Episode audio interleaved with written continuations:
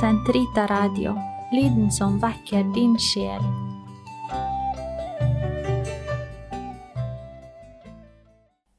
Den katolske kirkes katekisme, uke 16, søndag, paragraf 2676 til 2682.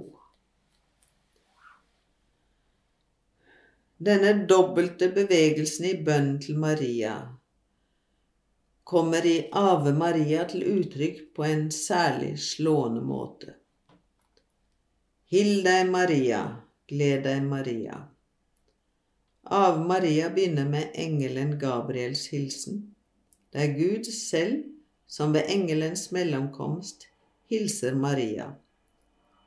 Vår bønn våger å gjenta hilsen til Maria, Guds hilsen, han som så til sin ringe tjenerinne,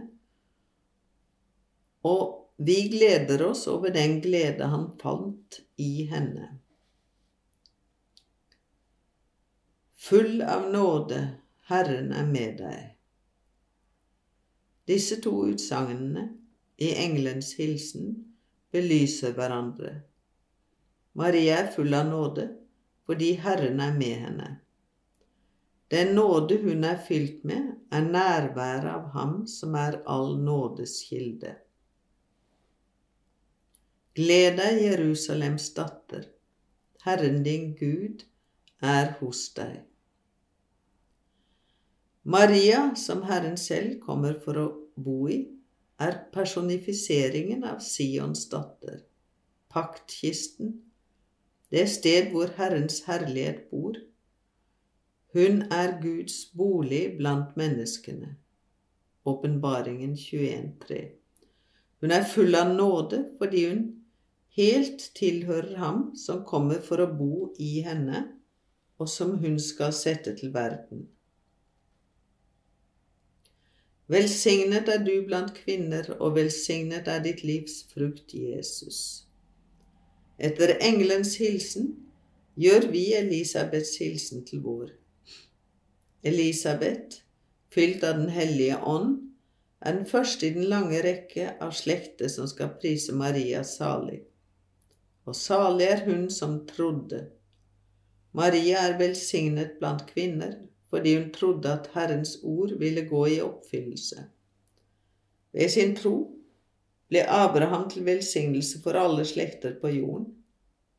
Ved sin tro ble Maria de troendes mor, og takket være henne tar alle slekter på jorden imot ham som er selve Guds velsignelse. Og velsignet er ditt livs frukt, Jesus. Hellige Maria, Guds mor, be for oss. Sammen med Elisabeth bryter vi ut i undring. Hvem er vel jeg at min Herres mor kommer til meg? Fordi hun gir oss Jesus sin sønn, er Maria Guds mor og vår mor. Vi kan legge all vår bekymring og alle våre bønner i hennes hender. Hun ber for oss slik hun ba for seg selv. Det skjer meg som du har sagt. Ved å betro våre bønner til henne overgir vi oss til Guds vilje sammen med henne. Skje din vilje. Be for oss syndere nå og i vår dødstime. Ved å be Maria om å gå i forbønn for oss, bekjenner vi oss som syndere, og vi vender oss til miskunns mor, til den allhellige. Vi overgir oss til henne nå i vårt livs i dag, og vår tillit går så langt at vi allerede her og nå legger vår dødstime i hennes hender. Måtte hun være til stede da, slik hun var det da hennes sønn døde på korset, og måtte hun ta imot oss som en mor når vi kommer hjem, og føre oss til sin sønn Jesus i paradiset.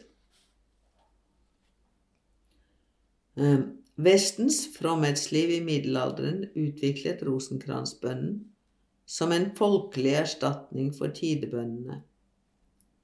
I øst står akatistos og paraklesis-litaniene nærmere de bysantinske kirkers offisium, mens de armenske, koptiske og syrianske tradisjoner har foretrukket folkelige hymner og sanger til ære for Guds mor.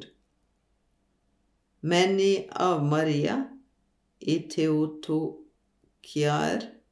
i Sankt Efraims eller Sankt Gregorius av Nareks hymner, dreier det seg om en bønnetradisjon som i sin grunn er den samme.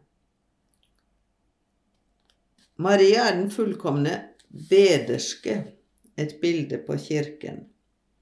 Når vi ber til henne, slutter vi oss sammen med henne til Faderens frelsesplan, han som sender sin sønn for å frelse alle mennesker.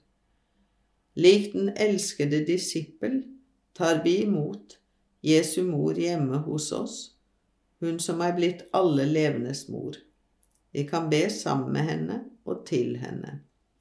Det er liksom kirkens bønn bæres av Marias bønn. Den forenes med hennes i håpet. Kort sagt Bønnen er fortrinnsvis rettet til Faderen, på samme måte rettes den til Jesus, særlig ved å påkalle Hans hellige navn. Jesus Kristus, Guds sønn, Herre, ha miskunn med oss syndere. Ikke kan noen si Jesus er Herre uten ved Den hellige ånd. Kirken oppfordrer oss til å påkalle Den hellige ånd som den kristne bønns indre læremester. Kirken ber gjerne i fellesskap med jomfru Maria på grunn av hennes enestående samvirke med Den hellige ånds gjerning, for sammen med henne å lovprise de store ting som Herren har gjort i henne, og for å betro henne våre bønner og vår lovprisning.